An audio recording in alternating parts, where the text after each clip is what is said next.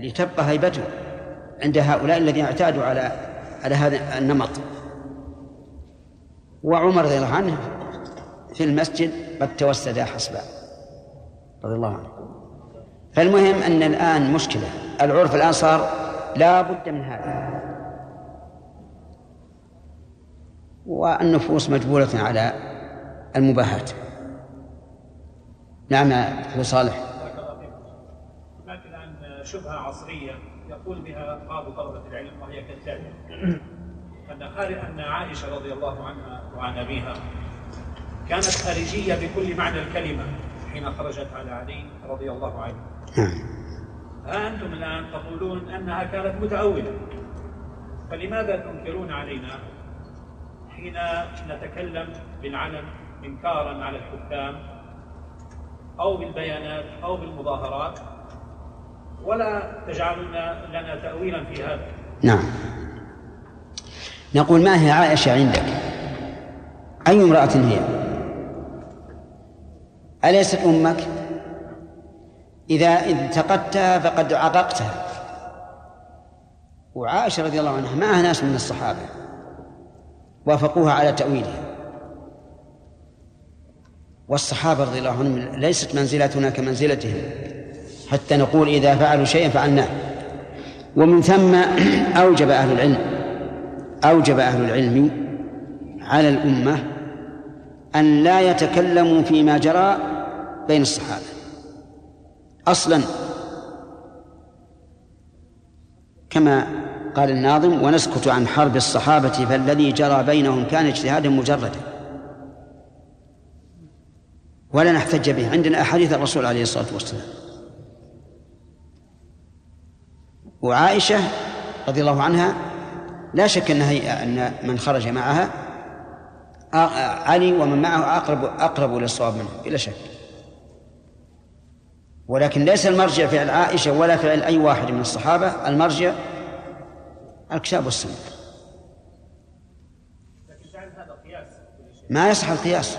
هذا قياس مع الفارق ألا يلزمهم يعني أن يقولوا أن يطبق عليها حديث النبي صلى الله عليه وسلم في الخوارج ما هذا هذا هو الذي جعل العلماء والأئمة يقولون نسكت عما جرى أنت امشي في الكتاب والسنة وما وما دل الكتاب والسنة على أنه خارجي فهو خارجي. لكن يجب علينا أن نسكت. ونقول تأولت وأخطأت. كما تأولت في مسائل أخرى غير هذه. نعم. ها؟ الخمس خلاص انتهت. انت. الرحيم. سبق أن قلنا إن أوامر ولاة الأمور تنقسم إلى ثلاثة أقسام. الأول نعم. الأمر الثاني أن يأمروا بما نهى الله سبحانه وتعالى عنه والأمر الثالث أن يأمروا بأمر لم يتعلق به أمر ولا نهي تمام. آه، ما هو الذي تجب طاعته فيه صالح؟ قسمين. تمام. طيب. آه، ما هو الدليل على وجوب آه، طاعته فيما لم يتعلق به أمر ولا نهي؟ محمود.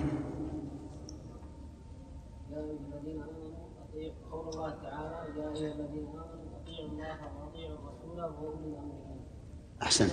طيب. تمام. صحيح. وما هو الدليل على وجوب طاعتهم فيما أمر الله به؟ أرفع يدك. نعم. ها؟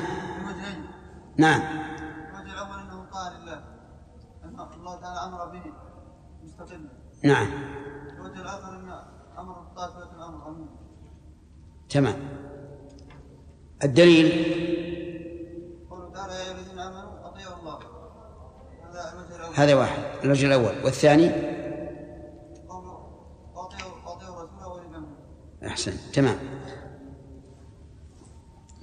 لو قال قائل أنا لا أطيع ولاة الأمر فيما لم يتعلق به أمر ولا نهي لأنه أنظمة.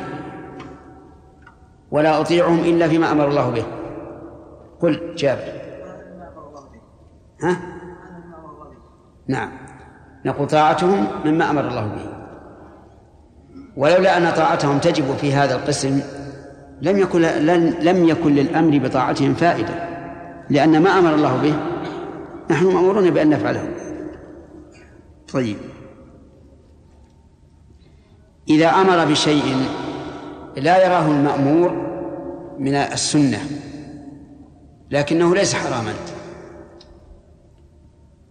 نعم. ها؟ يعني تجب طاعته. صحيح. لأنهم يقولون الفقهاء رحمهم الله حكم الحاكم القاضي يرفع الخلاف. هذا وهو حكم قاضي.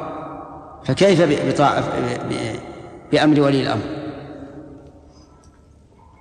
نعم. نبدأ. بسم الله الرحمن الرحيم. الحمد لله رب العالمين وصلى الله وسلم على عبده ورسوله نبينا محمد وعلى آله وأصحابه أجمعين.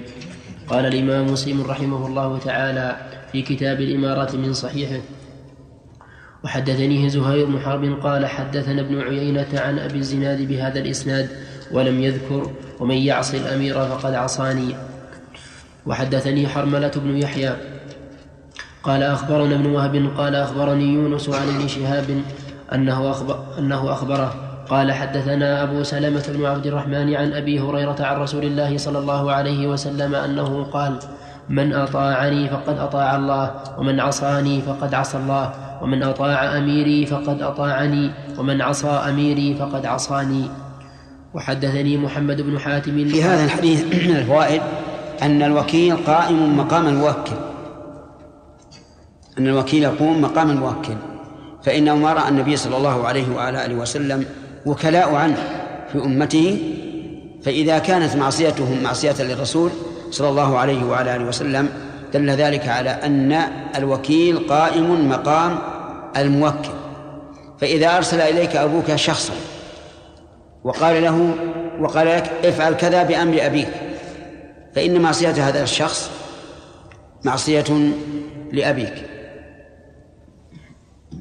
نعم.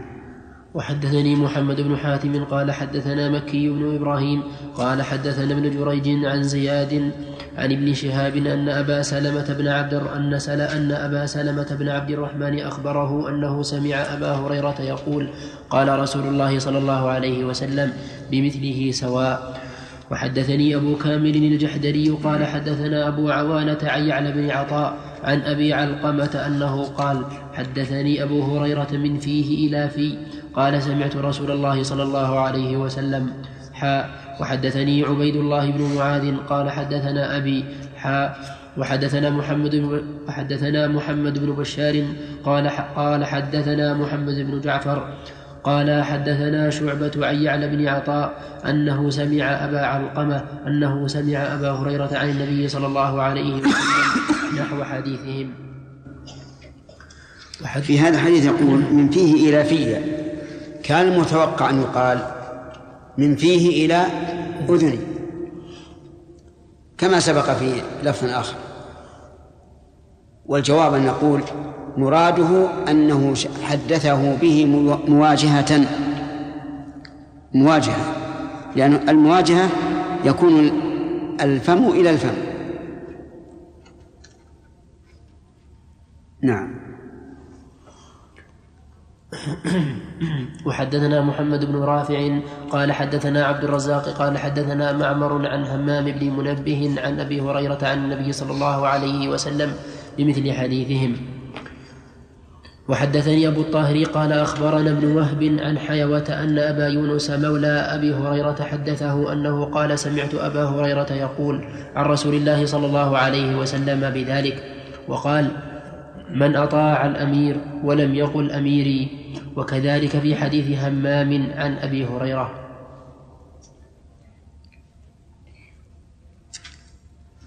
وحدثنا سعيد بن منصور وقتيبة بن سعيد كلاهما عن يعقوب.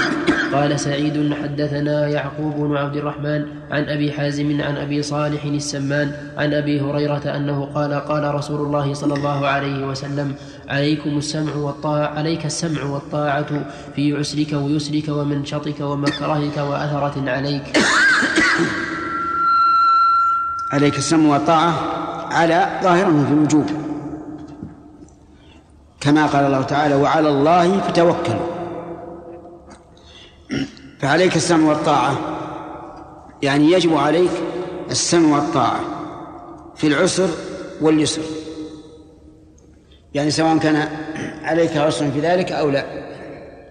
والمنشط والمكره. المنشط يعني النشاط والمكره الكسل. وأثرة عليك؟ يعني لو استأثر ولي الأمر بشيء من أموال أو أراضي أو غيرها فعليك السمع والطاعة. وإن استأثر بذلك حتى مثلا لو فرض لك من بيت المال أقل من كفايتك وهو يأخذ من بيت المال ما شاء. فهنا استئثار بلا شك. فعليك السمع والطاعة. ولا تقل لماذا لا تعطيني مثل ما ما, ما تأكل أو ما أو ما تأخذ؟ بل نقول عليك السمع والطاعة ولو وجدت الأثر عليك. وهذا في الحقيقة هو الذي يضبط يضبط الأمة يضبط الأمة. لأنه لو بقيت الأمة هذا يقبل ويمتثل وهذا لا يقبل ويعاند صارت الفوضى وصار الشر والفساد. فالواجب السمع والطاعة على كل حال. ما لم يأمروا بمعصية. نعم. أحيانا في بعض الدول إذا صدرت هناك أنظمة معينة مثلا مثل غلاء الاسعار أو ارتفاع اسعار السلع الاقتصادية تحدث هناك شيخ مظاهرات يسمونها مظاهرات سلميه يكون هذه المظاهرات مجرد يعني منظمة كل نقابة من النقابات تخرج مندوبين عنها يحملون شعارات فيها استعطاف للحكومه واستعطاف للوزراء حتى مثلا ينزلون سعر الأطعمة أو ينزلون سعر مرتفع. وغالبا ما تستجيب هذه الاستعطافات فهذا جائز يا شيخ أنا لا أرى المظاهرات أبدا. المظاهرات كلها شر ولم تكن معروفة في السلف ويحصل فيها مضايقات وإفساع الناس. وربما يتسلط المتظاهرون على الدكاكين والسيارات مع مع مع الفرح والنشوة فيحصل شر كثير. فلا نراها إطلاقا. ربما يقال لو كنا في بلاد كافرة والمسلمون مغمورون في هذه البلاد ولن ترفع الدولة بهم رأسا إلا بالمظاهرة. فهذه قد يقال إن إن ذلك لا بأس به. بشرط أن لا يحدث شيء محرم. نعم. من يرفع يده شيخ بارك الله فيك. إذا أمر والدها إذا إذا أمر الولي أو ولاة الأمر بطلاق الرجل زوجته. نعم. فهل له؟ وإذا أكره على ذلك هل ينعقد؟ إذا وكل الإنسان على طلاق زوجته من أي جهة كانت فإنه لا يقع الطلاق. وليس لأحد من ولاة الأمور أن يأمر الرجل بأن يطلق زوجته. كما أنه ليس له أن أن أن يأمره بأن يأكل شيئا معينا من الطعام. اللهم إلا إذا كان هناك يعني فساد اقتصادي ويريدون أن يوفروا بعض بعض الأطعمة. نعم يا ابن جمعة شيخ الله عليه في بعض الأماكن أو في بعض الدول آه، ال- النظام الحكم تكون انتخابات وقد يجد من المنتخبين من ليسوا مسلمين فيشتركون في الحكم. لكتلتهم الكبيرة أو يعني سياستهم يشاركون في الحكم. فيكونون هؤلاء على بعض الأماكن التي توجد فيه مسلمين. فهل هؤلاء يطاعون شيخ أحسن وهم يكونون يعني بعد بعد الأحوال يظهرون بمظهر يعني ما يقبله المسلمين. مع أنهم يعني يشجعون حزبهم فتكون في شتم وشيء لحزب الرئيس أو للمسلمين أو يكون في شيء من الإهانة للمسلمين فهل يطاعون شيخ أحسن الله إليكم في هذا؟ طيب إذا قلنا لا يتعاونون ولا يدخلون في في البرلمان هل يسلمون من أذيتهم؟ ما يسلمون من خوفا منهم ما يسلمون إذا ليش ليش انتخبوه؟ هو أمير الآن يعني مرسل من لنفرض أن الأمير كافر نعم. آه، اللي هو الرئيس. كذا؟ طيب. البرلمان فيه مسلمون وكفار. إذا قلنا إن المسلمين هنا لا لا, لا يدخلون في البرلمان هل يسلمون من أذية الكفار؟ ما يسلمون. إذا يدخلوا. ويدلوا بأصواتهم. وربما يكون البرلمان ما يتكلم عن العقيدة وما يتعلق بذات الله عز وجل. إنما يبحثون في أشياء سياسية واقتصادية. فليدل المسلمون بأصواتهم شيخ أحسن الله عليكم. هذا في ترى كان آه، على قولكم شيخ الخروج يكون بالقول. الأحزاب تهاجم كل واحد الثاني طيب. ولو كان الحزب يعني الثاني حزب الرئيس هاجموا عليه وهاجموا على الرئيس وسياسته نعم. آه، هذا التزام الأحزاب. طيب. في في في البلاد ال- في أحزاب هكذا. نعم. فالخروج بالقول متواجد يعني كل يشجع حزبه ويرفعه ويهبط الثاني ويعيب بكل أنواع العيب. في هذا الحال ال- الكفار أو الحزب اللي اللي يقوده الكفار يأتون بأشياء يعني مو مو طيب مع المسلمين ما يتماشى مع المسلمين. وهم يكونون ولاد على بعض الأماكن التي يوجد فيها المسلمين هل يطاعون على اشيائهم؟ نعم يطاعون إن في معصية الله. نعم. ثلاثة؟ وحدثنا أبو بكر بن أبي شيبة وعبد الله بن براد الأشعري وأبو كريب. قالوا وحدثنا ابن إدريس عن شعبة عن أبي عمران عن عبد الله بن الصامت عن أبي ذر أنه قال إن خليلي أوصاني أن أسمع وأطيع وإن كان عبدا مجدع الأطراف. إن كان يعني الولي. قوله إن خليلي لا تنافي قول النبي صلى الله عليه وسلم لو اتخذت من أمتي خليلا لاتخذت أبا بكر. لأن الخلة المنفية هي أن يكون النبي صلى الله عليه وسلم خليلا لغيره. وأما أن يكون غيره خليلا له فلا بأس. وهذا هو الجمع. مثل هذا الحديث حدث خليلي حديث أبي هريرة أوصاني خليلي بثلاث. فيقال الجمع هو أن النبي صلى الله عليه وسلم لم يتخذ أحدا خليلا. فهذا ممتنع. ولم ي... ولا يمتنع أن يتخذه غيره خليلا. نعم. وحدثنا محمد بن بشار قال حدثنا محمد بن جعفر وحدثنا إسحاق وحدثنا إسحاق قال أخبرنا النضر بن شميل جميعا عن شعبة عن أبي عمران بهذا الإسناد وقال في الحديث عبدا حبشيا مجدع الأطراف. وحدثناه عبيد الله بن معاذ قال حدثنا أبي قال حدثنا شعبة عن أبي عمران بهذا الإسناد كما قال ابن إدريس عبدا مجدع الأطراف. حدثنا محمد بن المثنى قال حدثنا محمد بن جعفر قال حدثنا شعبة عن يحيى بن حسين أنه قال سمعت جدتي تحدث أنها سمعت النبي صلى الله عليه وسلم يخطب في حج في حجة الوداع وهو يقول ولو استعمل عليكم عبد يقودكم بكتاب الله فاسمعوا له وأطيعوا. هذا الثاني الحديث هذا في الأمراء الذين دون الأمير الأول. ولهذا قال لو استعمل عليكم والظاهر أن أن نائب الفاعل الإنسان وليس الله عز وجل. لأن لو جعلناه الله لكان هو الأول.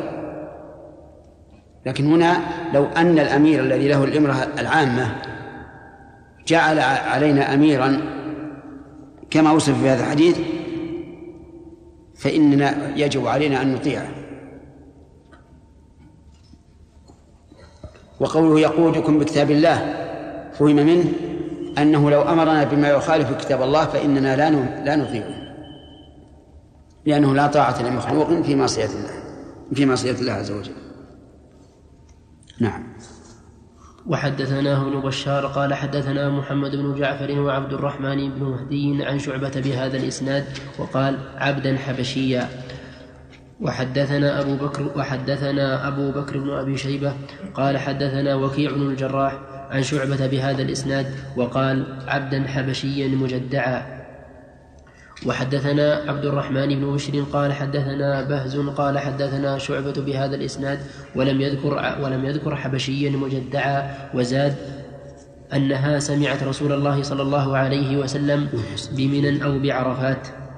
وحدثني سلمة بن شبيب قال حدثنا الحسن بن أعين قال حدثنا معقل عن زيد بن أبي أنيسة عن يحيى بن حسين عن جدته أم حسين أنها قالت نعم. اللي بعدها شيء نعم. اللي بعدها.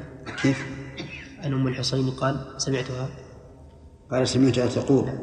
حججت مع رسول الله. عن أم الحسين قال سمعتها تقول حججت مع رسول الله صلى الله عليه وسلم حجة الوداع. قالت فقال رسول الله صلى الله عليه وسلم قولا كثيرا ثم سمعته يقول إن أمر عليكم عبد مجدع. حسبتها قالت أسود, يقودكم بكتاب الله فاسمعوا له وأطيعوا حدثنا قتيبة بن سعيد قال حدثنا ليث عن عبيد الله عن نافع عن ابن عمر عن النبي صلى الله عليه وسلم أنه قال على المرء المسلم السمع والطاعة فيما أحب وكره إلا أن يؤمر بمعصية فإذا أمر بمعصية فلا سمع ولا طاعة.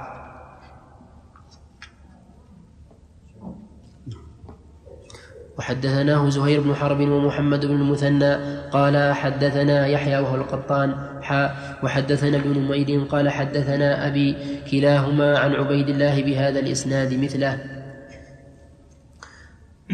حدثنا محمد بن المثنى وابن بشار واللفظ لابن المثنى. طيب في سؤال؟ ظاهر هذه الأحاديث أنه يجوز أن يكون العبد واليا هذا إيه. أو يقال هذا للمبالغة. مثل من يعمل مثقال ذرة خيرا يره ومن يعمل مثقال ذرة شرا يره. وقد سبق أنه يشترط أن تكون الخلافة في قريش. لكن لو أن أحدا تسلط وتأمر واستتب له الأمر فإنه لا يجب علينا أن نسمع ونطيع نعم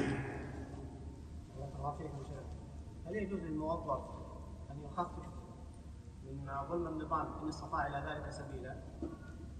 إي نعم. بل يجب عليه. الموظف يجب عليه أن يخفف من من الظلم إذا تمكن من هذا ولم ولم يكن ضرر. نعم. نعم. أحسن الله عليك الان أن أنه لا طاعة للمخلوق في معصيه الخالق وأنه لا يخرج على الحاكم إلا إذا كان كافرا. وأنه؟ نعم. نعم.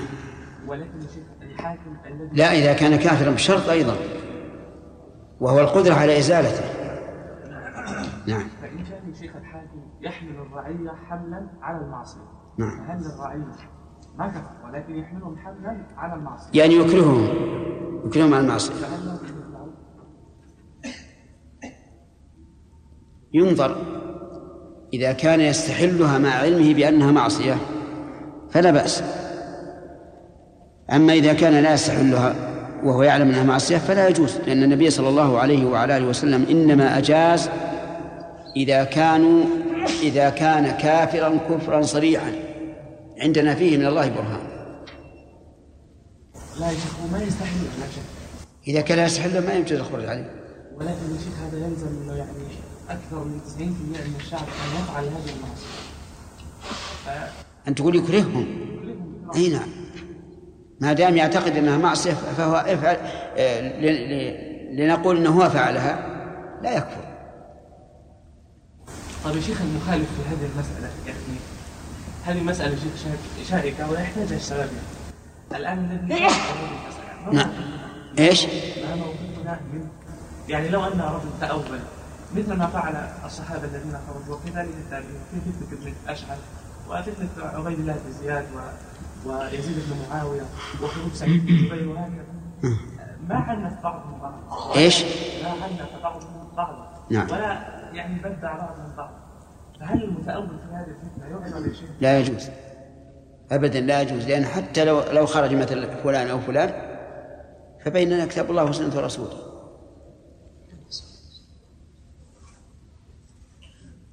ثلاثة؟ نعم. حدثنا محمد بن المثنى وابن بشار واللفظ لابن المثنى. قال حدثنا محمد بن جعفر. قال حدثنا شعبة عن زبيد عن عن سعد عن عن زبيد عن سعد بن عبيدة عن أبي عبد الرحمن عن علي أن رسول الله صلى الله عليه وسلم بعث جيشا وأمر عليهم رجلا فأوقد نارا وقال فأوقد نارا وقال ادخلوها فأراد ناس أن يدخلوها وقال الآخرون إنا قد فررنا منها فذكر ذلك لرسول الله صلى الله عليه وسلم فقال للذين أرادوا أن يدخلوها لو دخلتموها لم تزالوا فيها إلى يوم القيامة. وقال للآخرين قولا حسنا وقال لا طاعة في وقال لا طاعة في معصية الله إنما الطاعة في المعروف. وحدثنا محمد بن عبد الله بن نمير وزهير وزهير بن حرب وأبو سعيد الأشج وتقاربوا في اللفظ. قالوا حدثنا وكيع. قال حدثنا الأعمش عن سعد بن عبيدة عن أبي عبد الرحمن عن علي أنه قال بعث رسول الله صلى الله عليه وسلم سرية واستعمل عليهم رجلا من الأنصار وأمرهم أن يسمعوا له ويطيعوا فأغضبوه في شيء فقال اجمعوا لي حطبا فجمعوا له. ثم قال أوقدوا نارا فأوقدوا. ثم قال ألم يأمركم رسول الله صلى الله عليه وسلم أن تسمعوا لي وتطيعوا؟ قالوا بلى. قال فادخلوها. فنظر بعضهم إلى بعض فقالوا إنما فررنا إلى رسول الله صلى الله عليه وسلم من النار. فكانوا كذلك وسكن غضبه وطفئت النار. فلما رجعوا ذكروا ذلك للنبي صلى الله عليه وسلم. فقال لو دخلوها ما خرجوا منها. إنما الطاعة في المعروف. وحدثنا أبو بكر بن أبي شيبة قال حدثنا وكيع وأبو معاوية عن الأعمش بهذا الإسناد نحوه. هذا أيضا مما يدل على أنه لا طاعة للمخلوق في معصية الخالق. فهذه سرية جعل النبي صلى الله عليه وعلى آله وسلم عليها رجلا وأمرهم أن يطيعوه. فأغضبوه في شيء. فغضب. وقال اجمعوا لي حطبا فجمعوا. جمع جمع الحطب. معصية؟ ليس معصية. قال أظلموا فيه النار فأظلموا فيه النار. هذا أيضا ليس معصية. قال ألقوا أنفسكم فيها. أمرهم أن يدخلوها؟ فتناظروا. قالوا كيف. كيف ندخل النار ونحن إنما أسلمنا خوفا من النار. فكان هذا القياس موفقا. للصواب. أبوا أن يدخلوها فلما رجعوا إلى النبي صلى الله عليه وعلى آله وسلم وأخبروه أخبر أنهم لو دخلوها ما خرجوا منها. يعني لعذبوا بها إلى يوم القيامة وبعد القيامة كل على على عمله. وعلى هذا فإذا أمر ولي الأمر بمعصية سواء كان ضررها على المأمور أو ليس عليه ضرر منها فإنه لا يجوز امتثاله. نعم.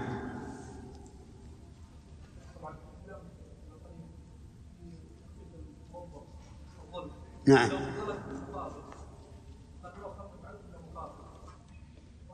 مقابل له هذا حرام عليها. ها؟ أي أنت ما ليس عليك حرام. أعطه وأخبر عنه. أعطه وأخبر عنه. مثل اللي يعلمك وأنت بالاختبار يغش ويعلمك اقبل العلم وأخبر عنه. كيف؟ كيف ذلك؟ يعني يقول مثل عالجوا الذي المرض المريض بمرض بالمرض الفلاني دون الآخرين أو كلهم مرضهم واحد ويقول عالجوا هؤلاء دون هؤلاء. مثلا بعض المقيمين. ها؟ بعض المقيمين. إذا كان تابع للحكومة يعالج إذا كان غير الحكومة يكون بعض المقيمين. وش معنى المقيمين؟ يعني من غير البلاد. يقدم على غيره؟ إذا كان تابع للحكومة نعم. يعالج.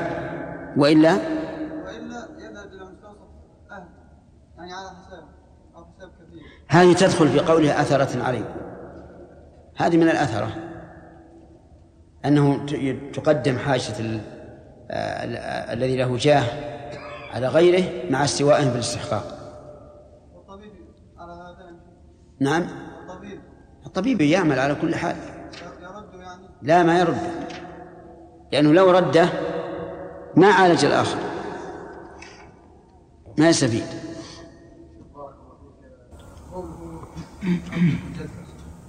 أي مرجع يعني مقطعات من أطرافه والعبد معروف نعم الأنظمة اللاتينية إنسان مسلم يوظف ويدخل في البرلمان في أي في أي مؤسسة من المؤسسات هل يشترط بهذا أنه يعني يسعى على قدر الإسلام؟ إيش؟ يعني يشترط عليه أنه اشترك في البرلمان. نعم. من أجل. هل عليه أنه يدخل لأجل الإصلاح ولا يعني هل هل يشترط له يعني يدخل في البرلمان لأجل الإصلاح على قدر الإمكان؟ على إيش؟ الإصلاح.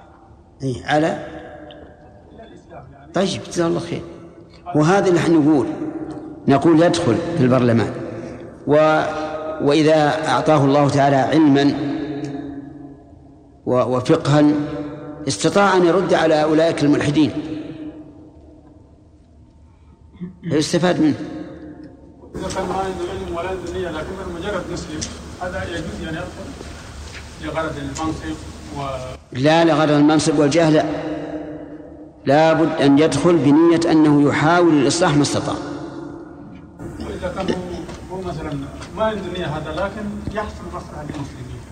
ما ما في بأس هذا الإنسان هو ما لا بأس لا بأس حتى وإن كان ليس عنده هذه النية لكنه يرفع من شأن المسلمين في حزبهم فلا بأس. بسم الله الرحمن الرحيم. الحمد لله رب العالمين صلى الله وسلم على عبده ورسوله نبينا محمد وعلى آله وأصحابه أجمعين. قال الإمام مسلم رحمه الله تعالى في كتاب الاماره من صحيحه حدثنا أبو بكر بن أبي شيبة قال حدثنا عبد الله بن إدريس عن يحيى بن سعيد وعبيد الله بن عمر عن عبادة بن الوليد بن عبادة عن أبيه عن جده أنه قال بايعنا رسول الله صلى الله عليه وسلم على السمع والطاعة في العسر واليسر والمنشط والمكره وعلى أثرة علينا وعلى الا ننازع الأمر أهله وعلى أن نقول بالحق بالحق أينما كنا لا نخاف في الله لومة لائم. هذه أمور عظيمة بايعوا عليها رسول الله صلى الله عليه وعلى آله وسلم.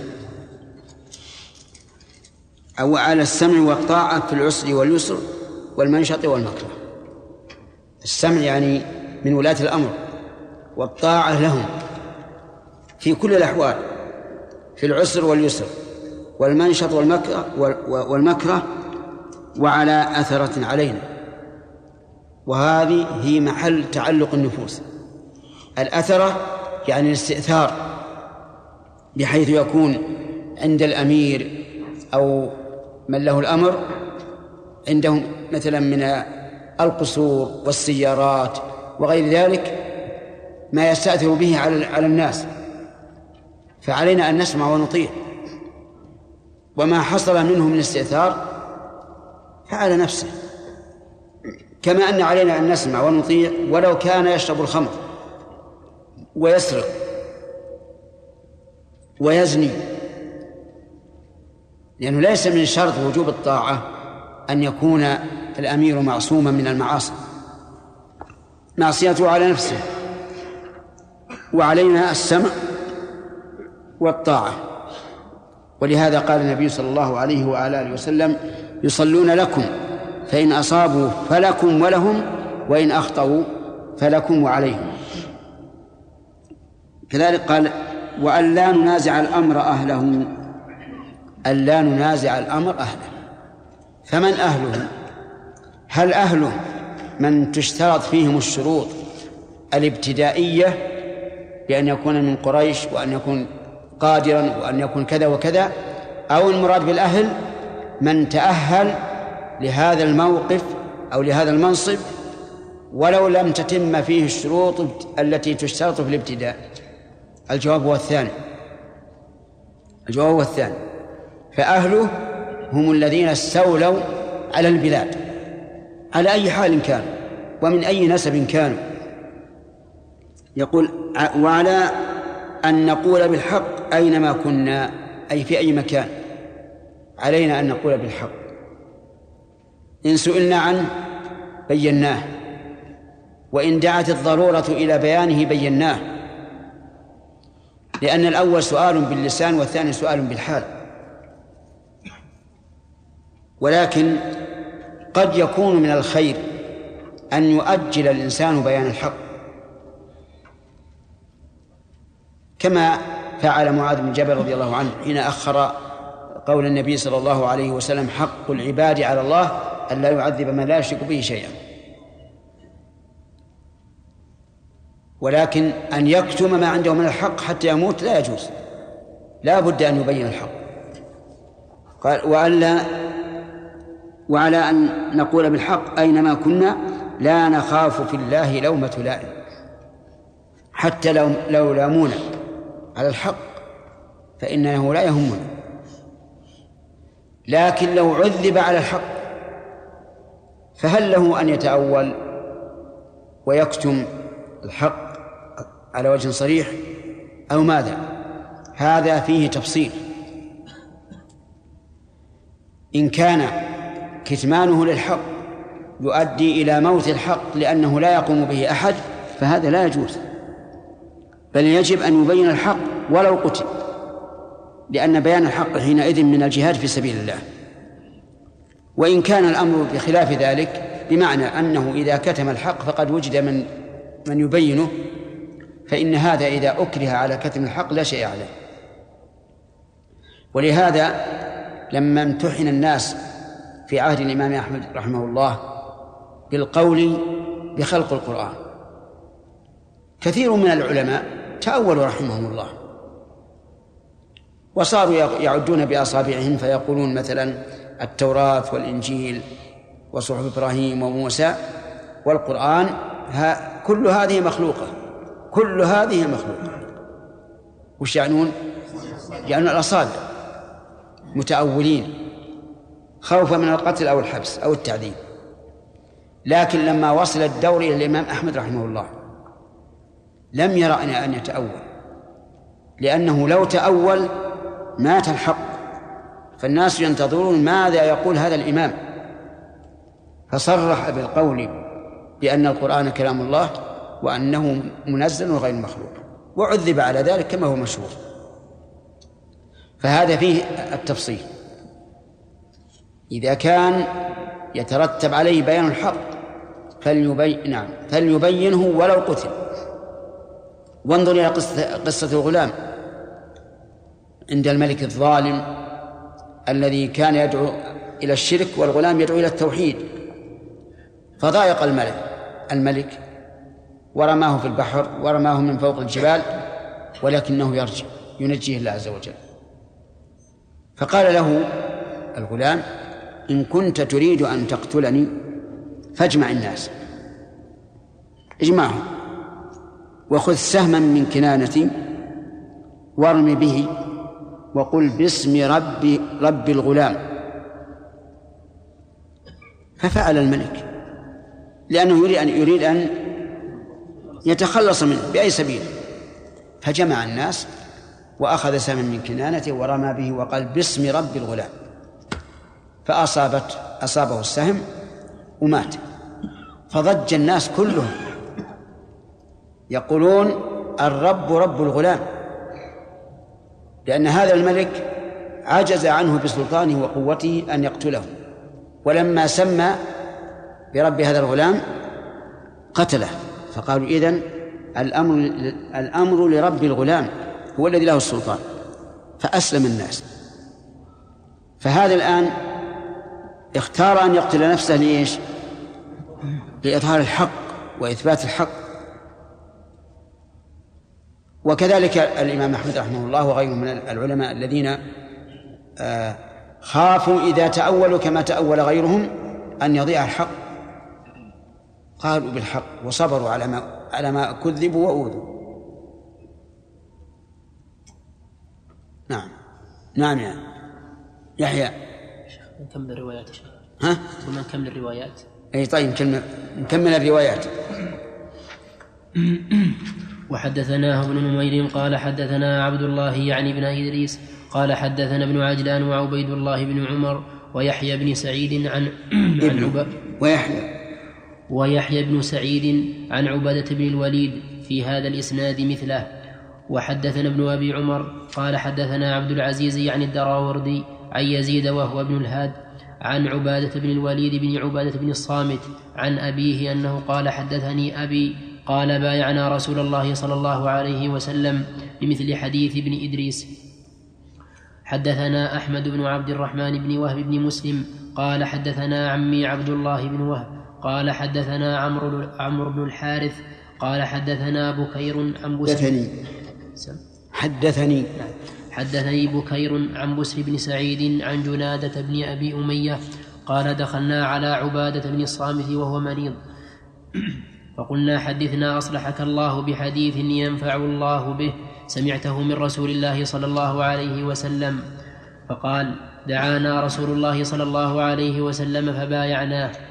فكان فيما أخذ علينا أن بايعنا على السمع والطاعة في منشطنا ومكرهنا وعسرنا ويسرنا وأثرة علينا وأن لا ننازع الأمر أهله. قال إلا أن تروا كفرا بواحا عندكم من الله فيه برهان. سبق الكلام عن هذا الحديث إلا أن هذا فيه زيادة. أن لا ننازع الأمر أهله إلا أن تروا كفرا بواحا فيه عندكم من الله فيه برهان. هذه الشروط لا بد منها. أولا أن تروا والرؤية بمعنى العلم. وأما الظن فلا يجوز أن نن- أن ننازع الأمر أهله بما نظن أنه كفر بل لابد أن نعلم أنه كفر.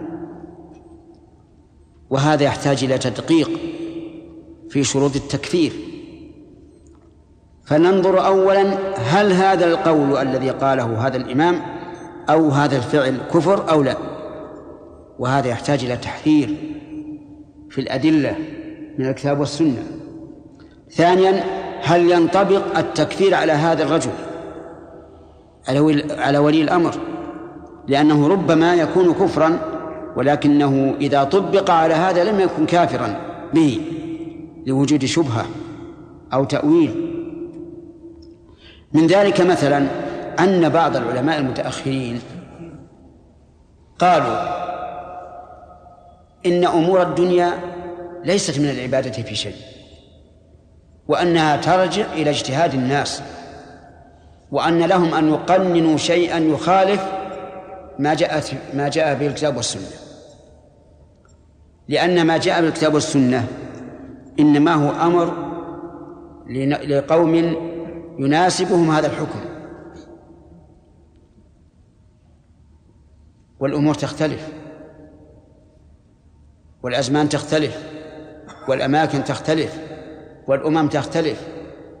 وليس هذا من حق الله الخاص الذي لا يمكن أن أن يتصرف فيه أن يتصرف فيه الإنسان.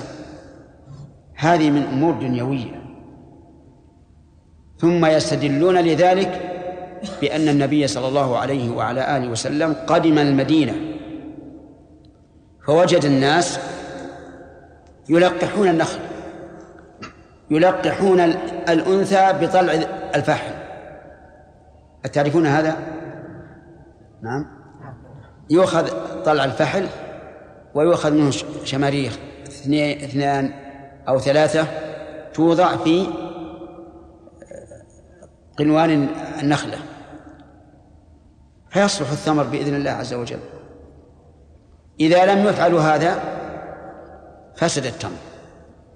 فقال النبي صلى الله عليه وسلم لما رآهم يصعدون الفحل ثم ينزلون ثم النخلة ثم ينزلون قال لو أنكم تركتم هذا إيش الفائدة تعذبون أنفسكم؟ فتركوا. في تلك السنة خرب النخل صار شيصا. لا لا يستساغ. فجاءوا إلى النبي صلى الله عليه وسلم. يشكون إليه فقال أنتم أعلم بأمور دنياكم. أخذ بعض المتأخرين من هذه الكلمة أن أمور الدنيا لا علاقة للأوامر والنواهي فيها. فصاروا يتصرفون كما يشاءون أو كما يرون أنه مصلحة. فأحلوا الربا الربا الاستثماري وقالوا إن الربا المحرم هو الربا الاستغلالي الذي فيه استغلال الأغنياء أموال الفقراء. فإذا كان في ذلك آه، نعم فإذا كان الربا استثماريا ينتفع به المربي والمأخوذ منه الربا. فلا بأس به. مصلحة. فقالوا للإنسان أن يؤسس مصنعا ويأتي إلى البنك ويقول أعطني عشرة ملايين لمدة عشر سنين بخمسة عشر مليون. فيستفيد البنك خمسة. ويستفيد المستثمر أنه سينشئ مصانع. يستفيد منها هو ويستفيد الناس. وهذه مصالح.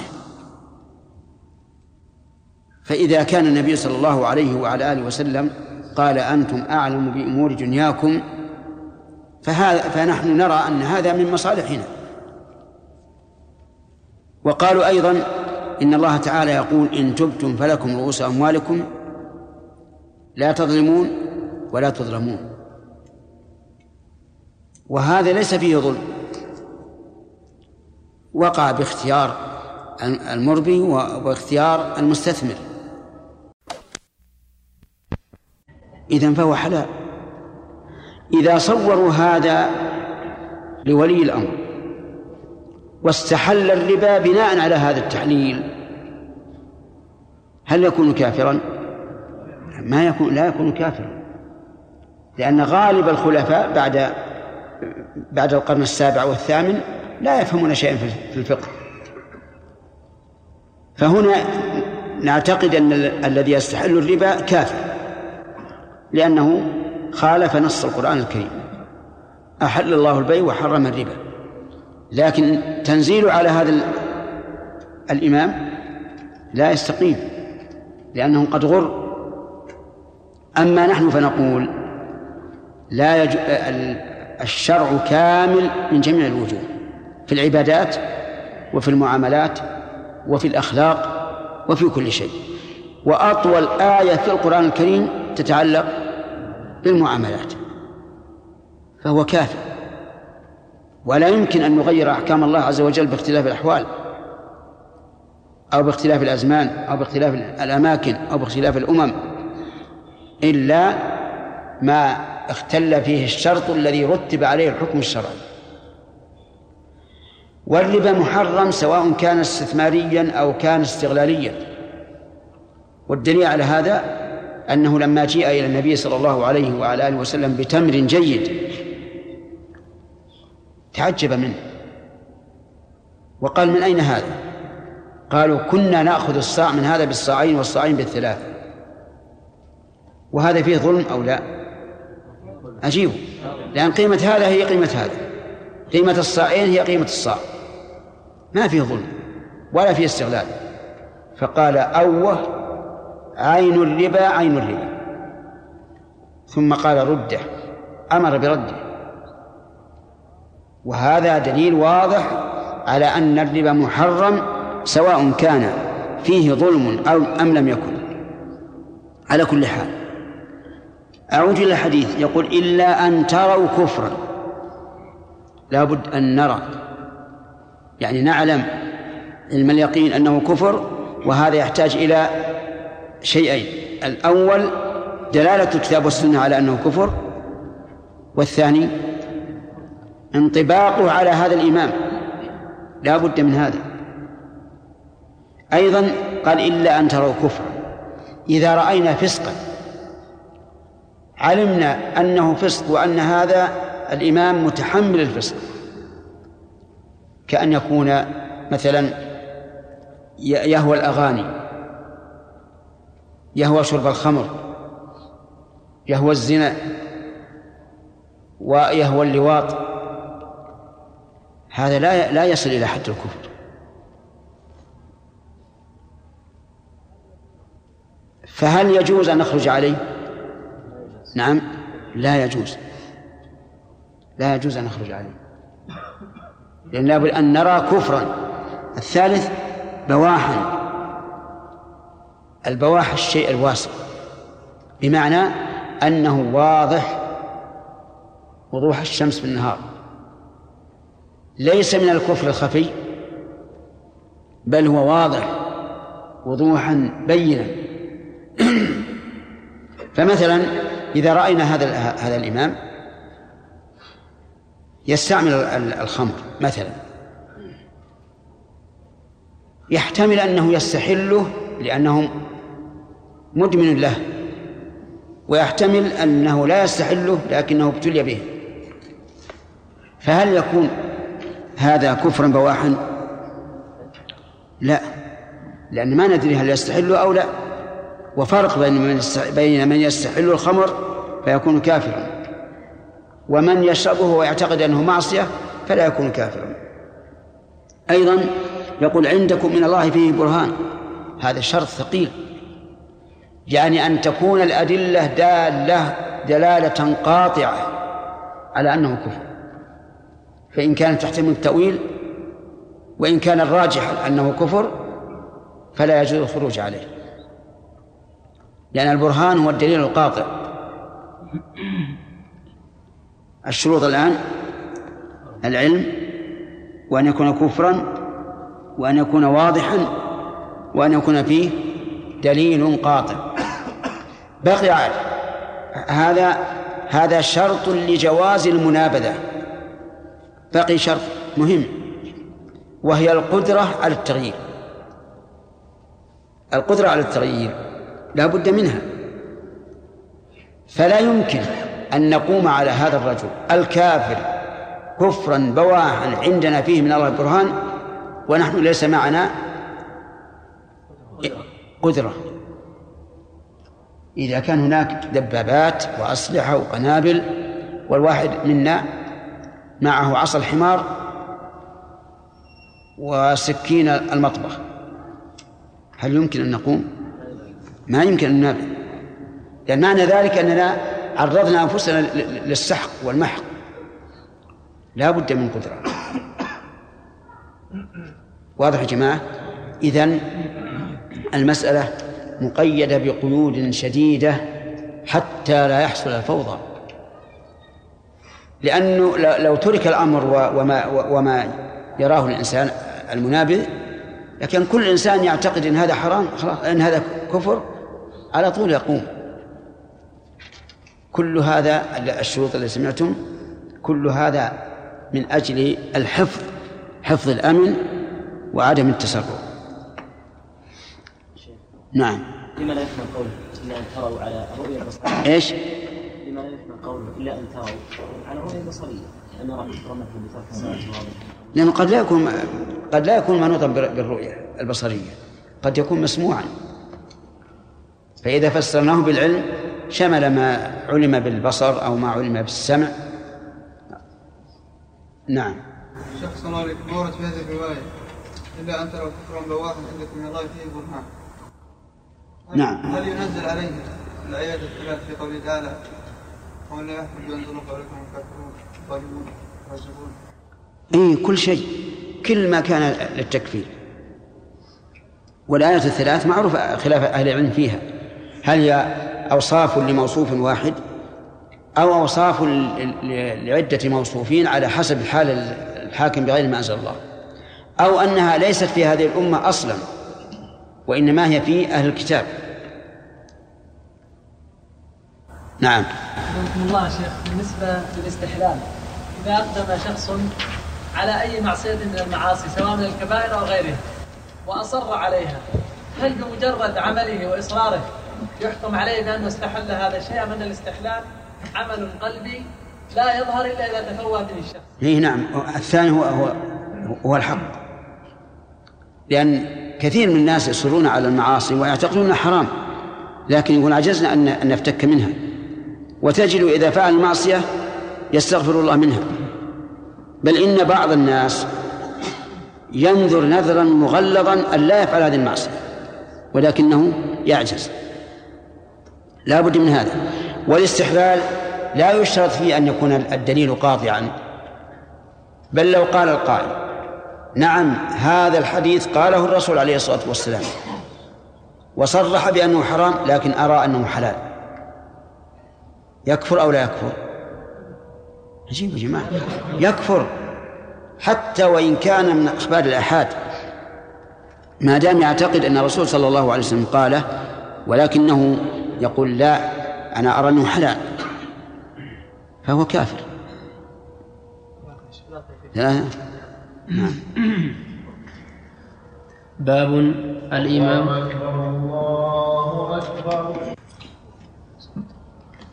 نعم يا عبد الوهاب. يا شيخ هل القدرة يا شيخ أيضا لابد توفرها آه، مع المستعمر الأجنبي مثلا؟ إيش؟ إيش؟ أعد أعد. القدرة يا شيخ. نعم.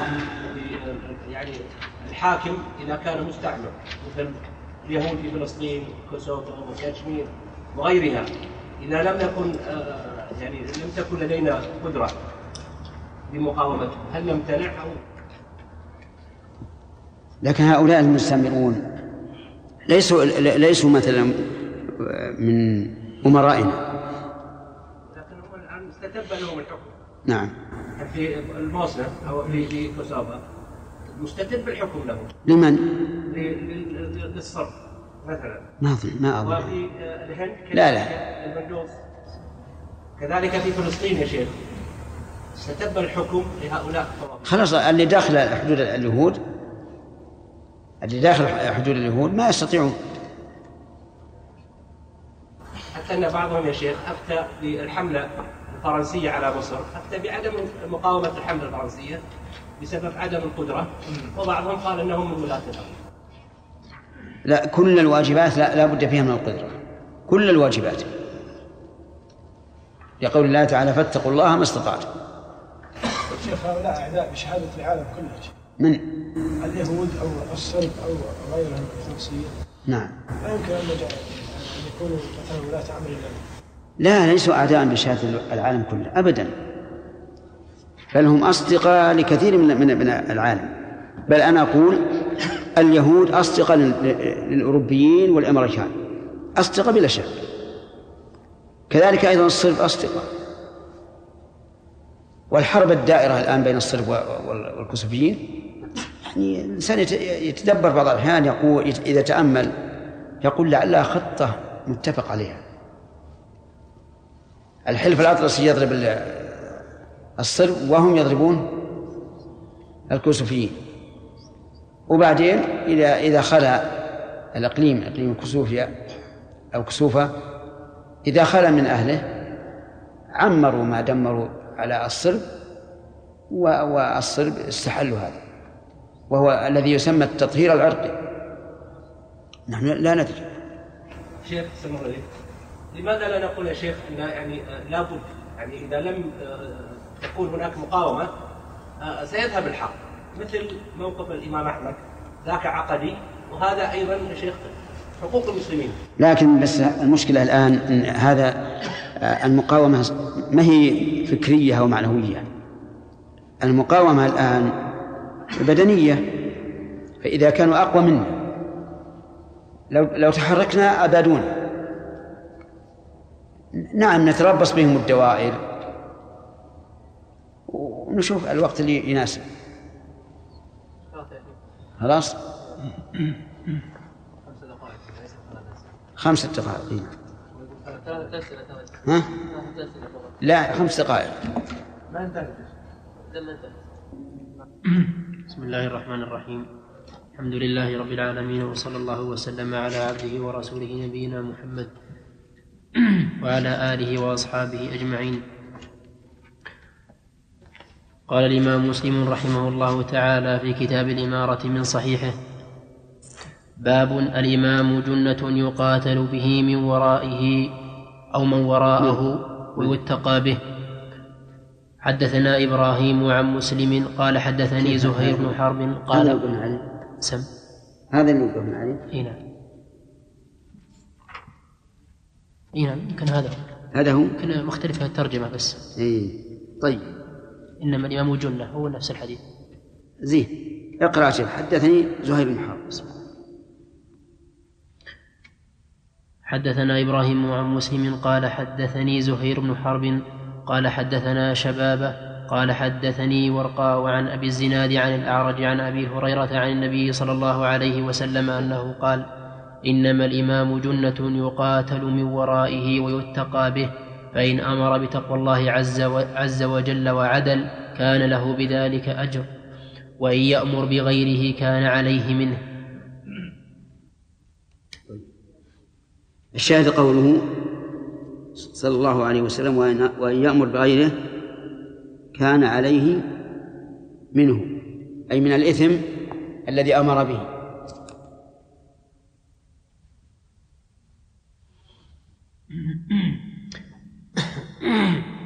باب وجوب الوفاء ببيعة, ببيعة الخلفاء. الأول فالأول حدثنا محمد بن بشار قال حدثنا محمد بن جعفر قال حدثنا شعبة عن فرات القزاز عن أبي حازم أنه قال قاعدت أبا هريرة خمس سنين فسمعته يحدث عن النبي صلى الله عليه وسلم قال كانت بنو إسرائيل تسوسهم الأنبياء كلما هلك نبي خلفه نبي وإنه لا نبي بعدي وستكون خلفاء فتكثر. قالوا فما تأمرنا؟ قال فوا ببيعة الأول فالأول وأعطوهم حقهم فإن الله سائلهم عما استرعاهم. حدثنا أبو بكر بن أبي شيبة وعبد الله بن براد الأشعري قال حدثنا عبد الله بن إدريس عن الحسن بن فرات عن أبيه بهذا الإسناد مثله.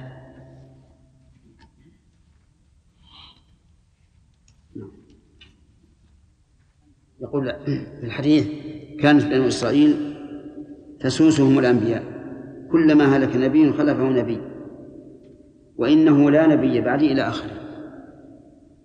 في هذا الحديث دليل على أن ما جاءت به الرسل هو السياسة التي يساس بها الخلق وتدبر شؤونهم ويوجهون إليها. ومن زعم أن الشريعة قسيم السياسة فقد أخطأ وضل بل الشريعة حقيقة هي السياسة. وسياسة من؟ سياسة الرسل عليهم الصلاة والسلام التي جاءوا بها من عند الله تعالى تعالى وهي خير السياسات بلا شك. يقول كلما نعم كلما هلك نبي خلفه نبي وإنه لا نبي بعدي. لا نافية الجنس فتنفي أي نبي. يعني لا من كانت نبوته خاصة أو عامة. ومن ادعى أنه نبي بعد النبي صلى الله عليه وعلى آله وسلم فهو كافر. ومن صدقه في نبوته فهو كافر. لأنه تكذيب لصريح القرآن وصريح السنة. وإنه يقول إيه، نعم. وإنه وستكون خلفاء.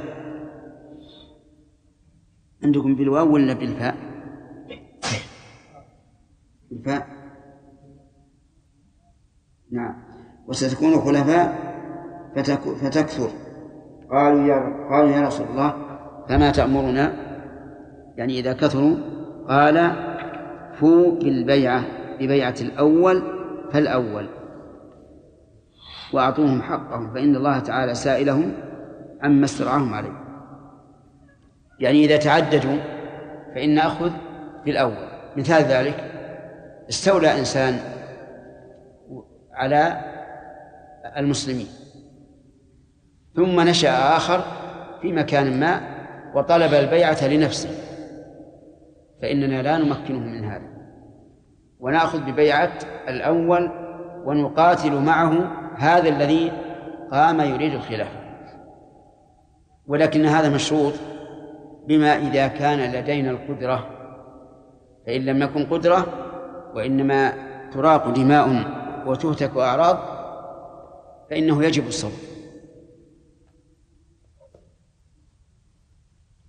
نعم.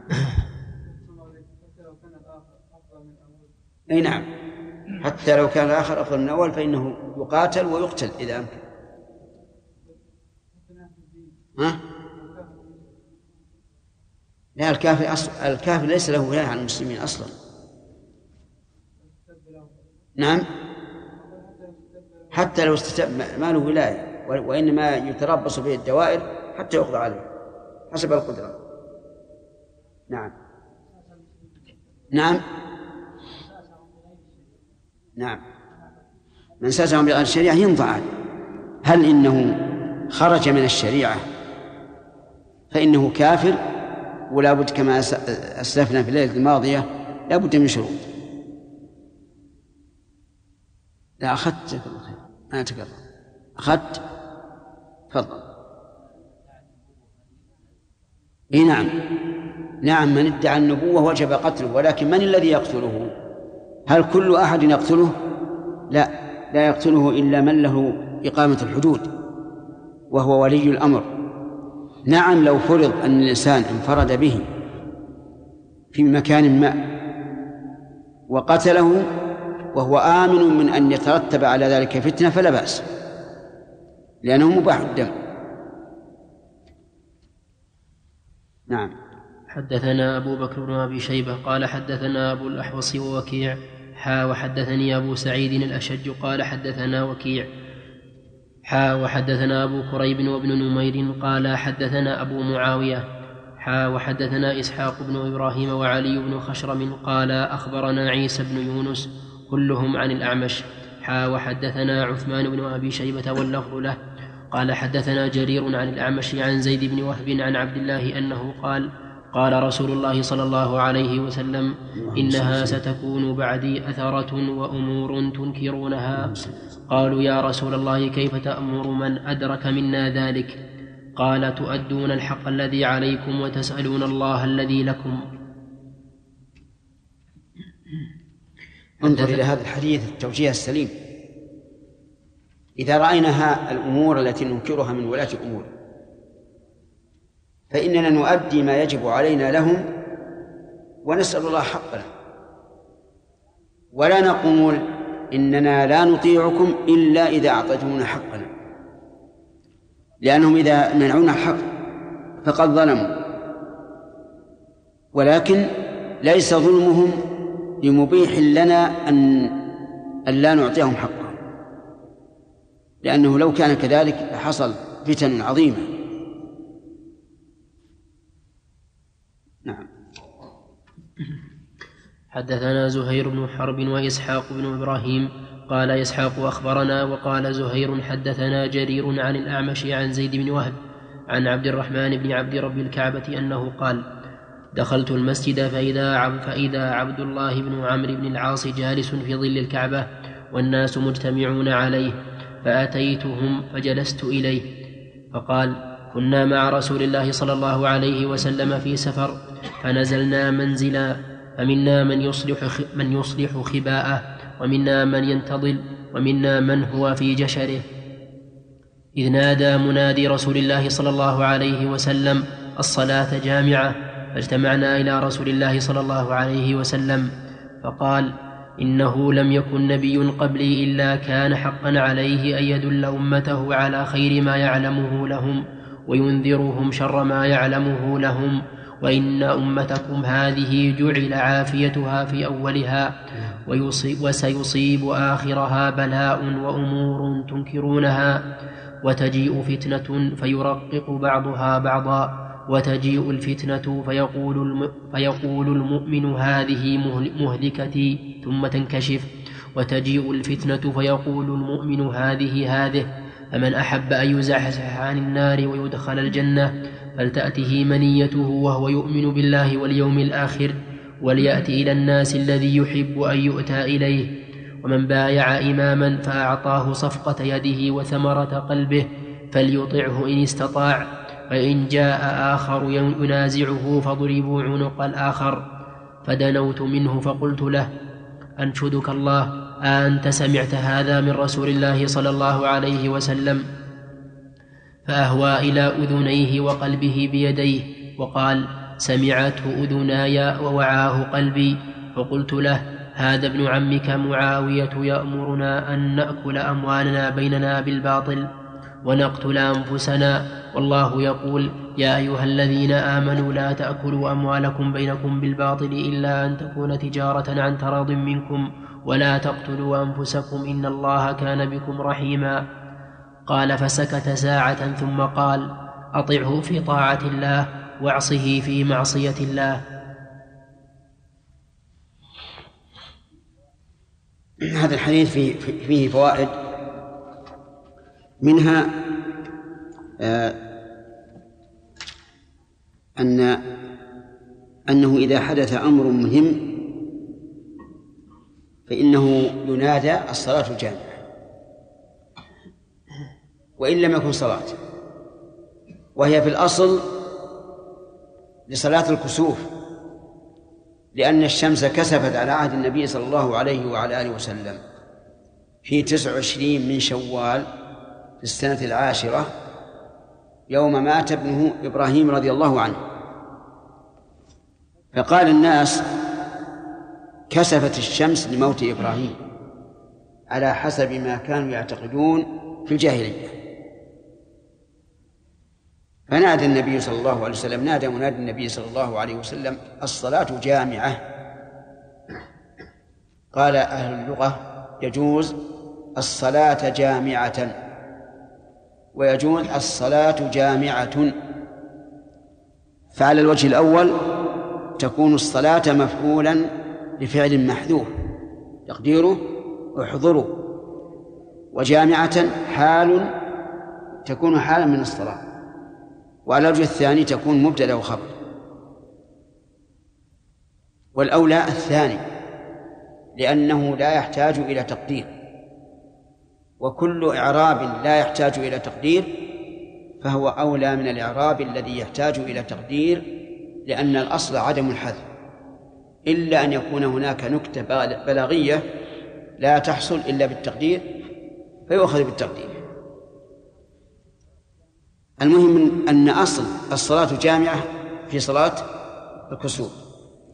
الصلوات الأخرى لا تقال فيها صلاة جامعة حتى العيدين أي حتى صلاة العيدين وصلاة الاستسقاء لا يقال فيهما الصلاة جامعة. خلافا لمن استحب ذلك من الفقهاء رحمهم الله. لما قال الصلاة جامعة اجتمع الناس إلى رسول الله صلى الله عليه وعلى آله وسلم فقال إنه لم يكن نبي قبلي إلا كان حقا عليه أن يدل أمته على خير ما يعلمه لهم وينذرهم شر ما يعلمه لهم. وهذا الحق حق على كل الرسل حتى على النبي صلى الله عليه وعلى آله وسلم وهو حق على ورثة الرسل أهل العلم. يجب عليهم أن يدلوا الناس على خير ما يعلمونه لهم. لا على الهوى لا على ما يهوى الناس ويريدونه ولكن على خير ما يعلمه لهم. وكذلك أيضا يحذرهم شر ما يعلمه لهم لأن العلماء ورثة الأنبياء. وقد سبق أن النبي صلى الله عليه وسلم بايع الصحابة على أن يقولوا بالحق أينما كانوا ولا يخاف بالله لومة لائم وإن أمتكم هذه من فوائد الحديث أن سلف هذه الأمة جعلت عافية الأمة فيها يعني أنهم سلموا من الفتن ومن الشرور ثم حدثت الفتن والشرور بعد أول هذه الأمة. قال وسيصيب آخرها بلاء وأمور تنكرونها. وصدق النبي صلى الله عليه وسلم فإن الفتن منذ قتل عثمان رضي الله عنه بدأت والعياذ بالله تموج بين المسلمين كما يموج البحر الهائج. من من نعم. ومن فوائد قوله سيصيب آخرها آخرها بلاء وأمور من فوائدها أن ذلك من آيات النبي صلى الله عليه وسلم حيث أخبر بأمر وقع كما أخبر.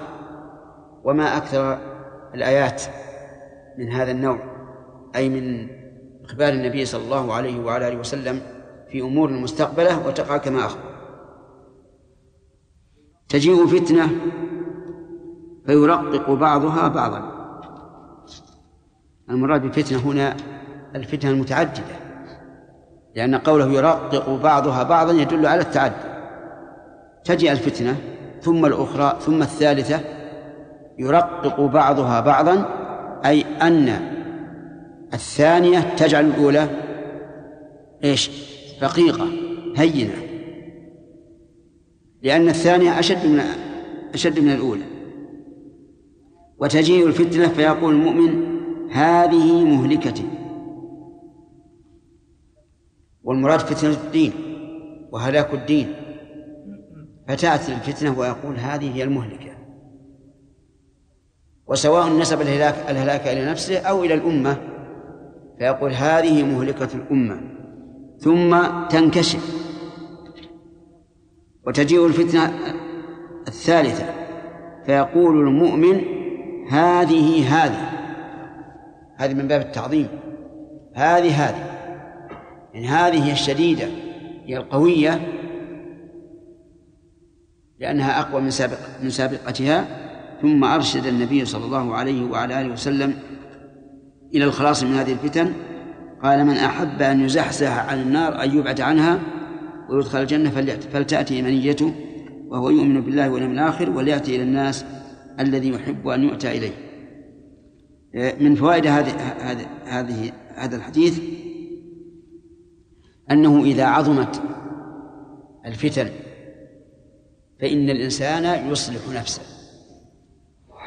كما جاء في حديث فيه مقال إذا رأيت شحا مطاعا وهوى متبعا ودنيا مؤثرة وإعجاب كل ذي رأي, رأي برأيه فعليك بنفسك أو قال بخاصة نفسك ودع عنك أمر العوام. فهذا الحديث يدل على على ما, ما دل عليه الحديث الذي سقته الآن. قال فليأتي فلتأتيه منيته وهو يؤمن بالله واليوم الآخر أي فهو ثابت على إيمانه لم تزعزعه تزعزعه الفتن. وليأتي إلى الناس ما يحب أن يؤتى إليه. نعم وليأتي إلى الناس الذي يحب أن يؤتى إليه. الذي هذه مفعول يأتي وقوله إلى الناس هل المراد إلى الناس أهل الإيمان؟ أو إلى عموم الناس.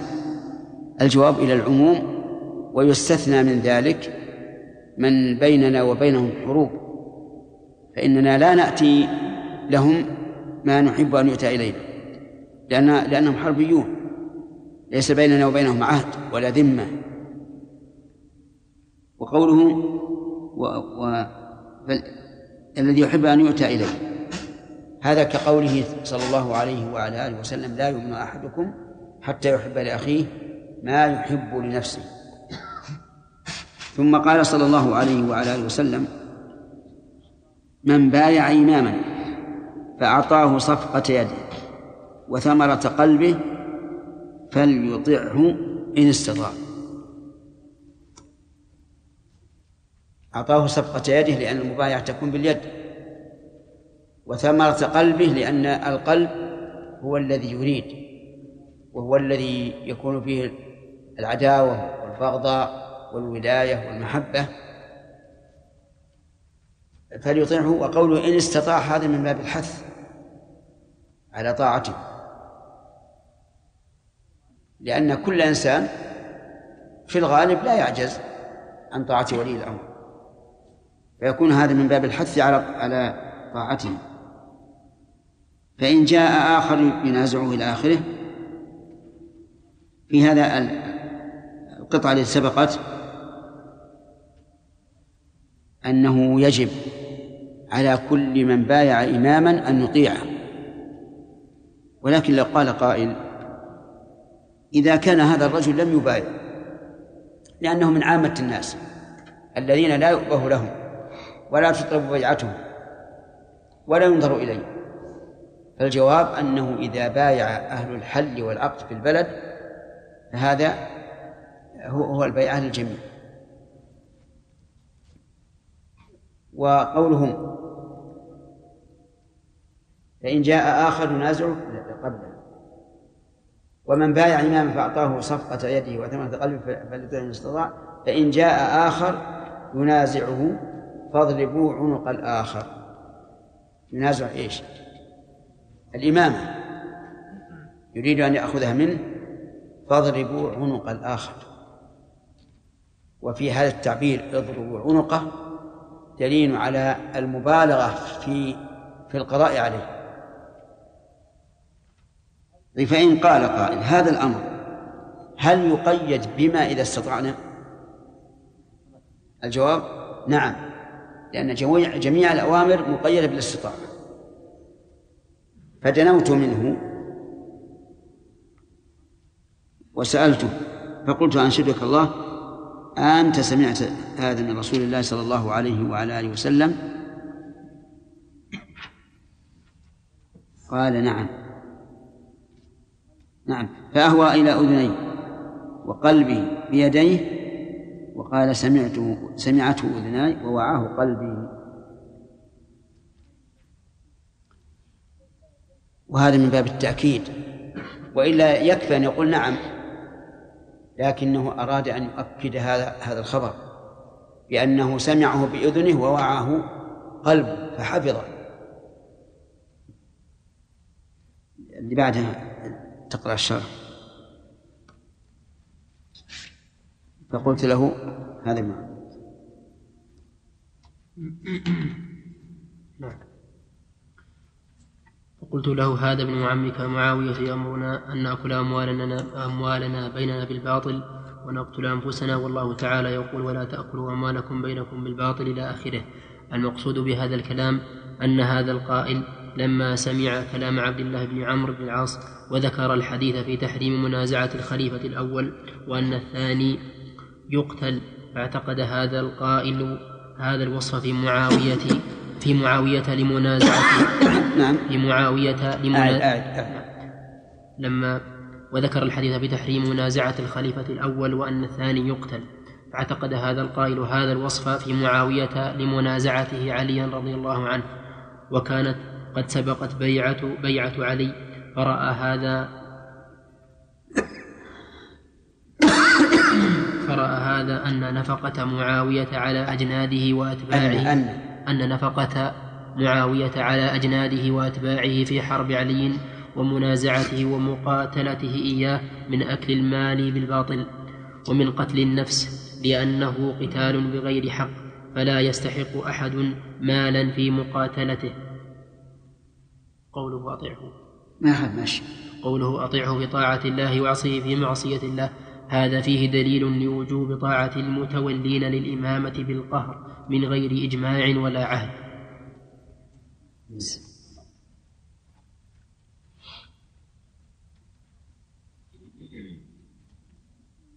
معاوية رضي الله عنه. من المعلوم ما أمر بأكل أموال الناس بالباطل وقال يا أيها الناس كلوا أموالكم بينكم بالباطل ولا أمر أيضا أن يقتل بعضنا بعضا.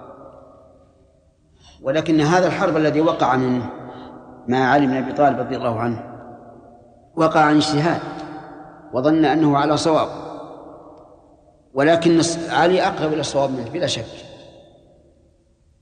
إلا أن هذه الأمة والحمد لله إذا اجتهد المجتهد فأصاب فله أجران وإن أخطأ فله أجر واحد. ولهذا سكت ثم ذكر ما يترتب على هذا وقال أطعه في طاعة الله وعصيه في معصية الله بمعنى أنه إذا أمرك بشيء فأطع فأطعه إلا أن يكون ذلك أمرا بمعصية فلا تطع نعم.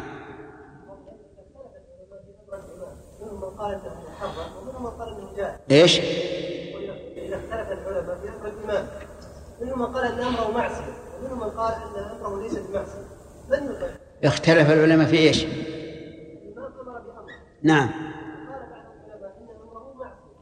بأمر اختلف العلماء في هل هو طاعة أو معصية؟ طيب. ذكرنا قبل قبل البارحة أن حكم الحاكم يرفع الخلاف.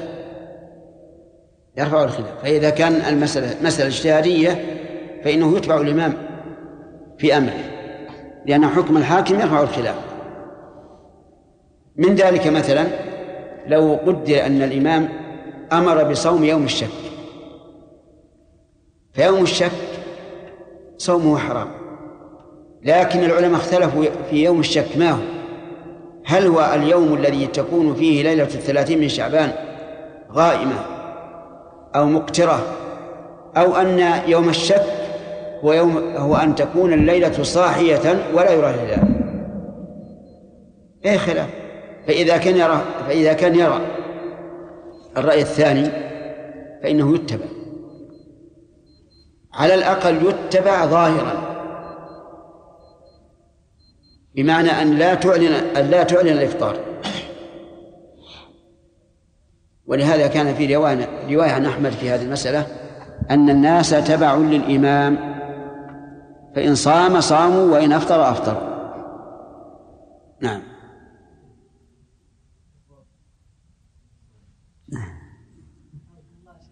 كلام الشارع يقول اشكل علينا ناحيه أنه ذكر أن معاوية نازع عليا الامامه نعم. المعروف عندنا في السنة في المنظور الصحيح. نعم. أنه خرج مطالبا بدم أمير المؤمنين عثمان لأنه ولي الدم أي نعم. كان يقول لعلي إنما أطالب بدم أمير المؤمنين. نعم. فإن القاده بايع عليا ولم ينازعه في الخلافه لا في لا في وجه كلامه اولا إن إن, علي معاويه رضي الله عنه ومن خرج معه لا يرون لعلي خلافا ويقولون لا يمكن أن نبايعك حتى تقتل قت- قتل عثمان. فهم لا يرونها أصلا خليفة. نعم. إذا رأيت إذا رأيت مطاعا وهو متابعا وبني فعليك خاصة فعليك خاصة أن تأمر فهم بعض الناس من هذا الحديث أن ينعزلوا عن أمر الناس بظهور هذه الثلاث أشياء. يعني في المنطقة التي فيها ظهرت الأمور الثلاث نعم. فانعزلوا عن الناس وفهموا من هذا الحديث أنه يراد بذلك. لا ما هو صحيح. اولا كما قلت لكم إن هذا الحديث فيه مقال فإن بعض العلماء ضعفه. لكن على تقدير صحته نقول معناه لا تتعب نفسك في هدايته. لأن بعض الناس الآن يتعب نفسه في محاولة هداية الناس. وينسى وينسى نفسه. تجد حتى في صلاته هوجس وش نقول اليوم؟ وش نفعل اليوم؟ وهذا لا ينبغي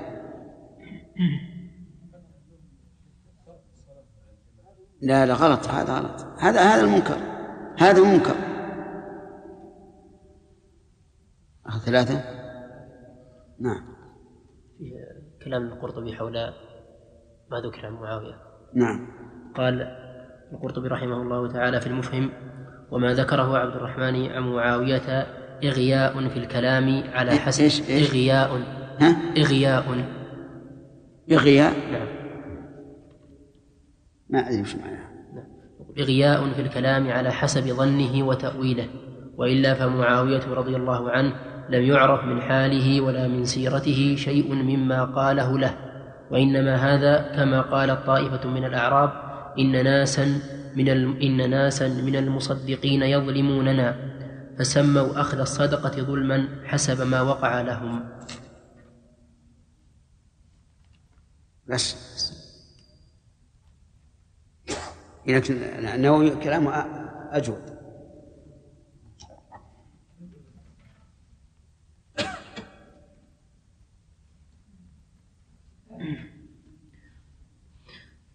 وحدثنا أبو بكر بن أبي شيبة وابن نمير وأبو, سعيد الأشج. قالوا حدثنا وكيع. وحدثنا أبو كريب قال حدثنا أبو معاوية كلاهما عن الأعمش بهذا الإسناد نحوه. وحدثني محمد بن رافع قال حدثنا أبو المنذر إسماعيل بن عمر قال حدثنا يونس قال حدثنا يونس بن أبي إسحاق الهمداني قال حدثنا عبد الله بن أبي السف عن عامر عن عبد الرحمن بن عبد رب الكعبة الصائدي قال رأيت جماعة عند الكعبة وذكر نحو حديث الأعمش. باب الأمر بالصبر على باب الأمر بالصبر عند عند ظلم الولاة واستئثارهم. حدثنا محمد بن المثنى ومحمد بن بشار قال حدثنا محمد بن جعفر قال حدثنا شعبة قال سمعت قتادة يحدث عن أنس بن مالك عن أسيد بن حضير أن رجلا من الأنصار خلا برسول الله صلى الله عليه وسلم فقال ألا تستعملوني كما استعملت فلانا؟ فقال إنكم ستلقون بعدي أثرة فاصبروا حتى تلقوني على الحوض. وحدثني يحيى بن حبيب الحارثي قال حدثنا خالد يعني بن الحارث. قال حدثنا شعبة قال حدثنا شعبة بن الحجاج عن قتادة قال سمعت أنسا يحدث عن أسيد بن حضير أن رجلا من الأنصار خلا برسول الله صلى الله عليه وسلم بمثله. وحدثنيه عبيد الله بن معاذ قال حدثنا أبي قال حدثنا شعبة بهذا الإسناد ولم يقل خلا برسول الله صلى الله عليه وسلم. نعم أسأل عليك أول شيخ الإسلام أن نفي الإيمان إذا جاء في كتاب السنة إيش؟ نفي الإيمان في عمل نعم إي نعم نعم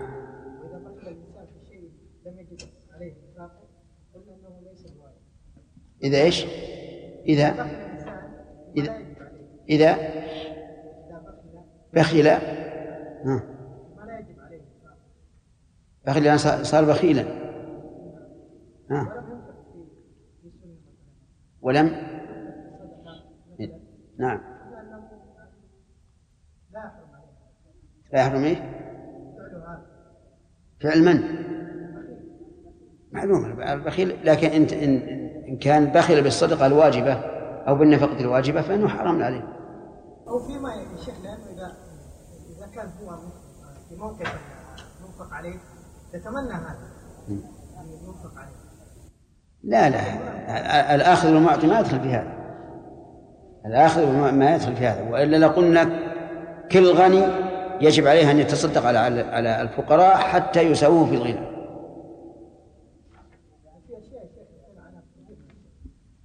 مثلا أنت تحب لأخي لنفسك أن يرزقك الله علما. أحبه لأخيك. أن يرزقك الله مالا أحبه لأخيك. أن ييسر الله أمرك أحبه لأخيك. هذا معنى الحديث شيخ بارك الله فيكم. هذه الصفات في ولاة الأمر. نعم. متفق عليها من كلام النبي صلى الله عليه وسلم. لكن المختلف فيه الآن لا سيما بين الشباب وطلاب العلم هل هذه الصفات متحققة في ولاة الأمر الآن؟ أم أنها يعني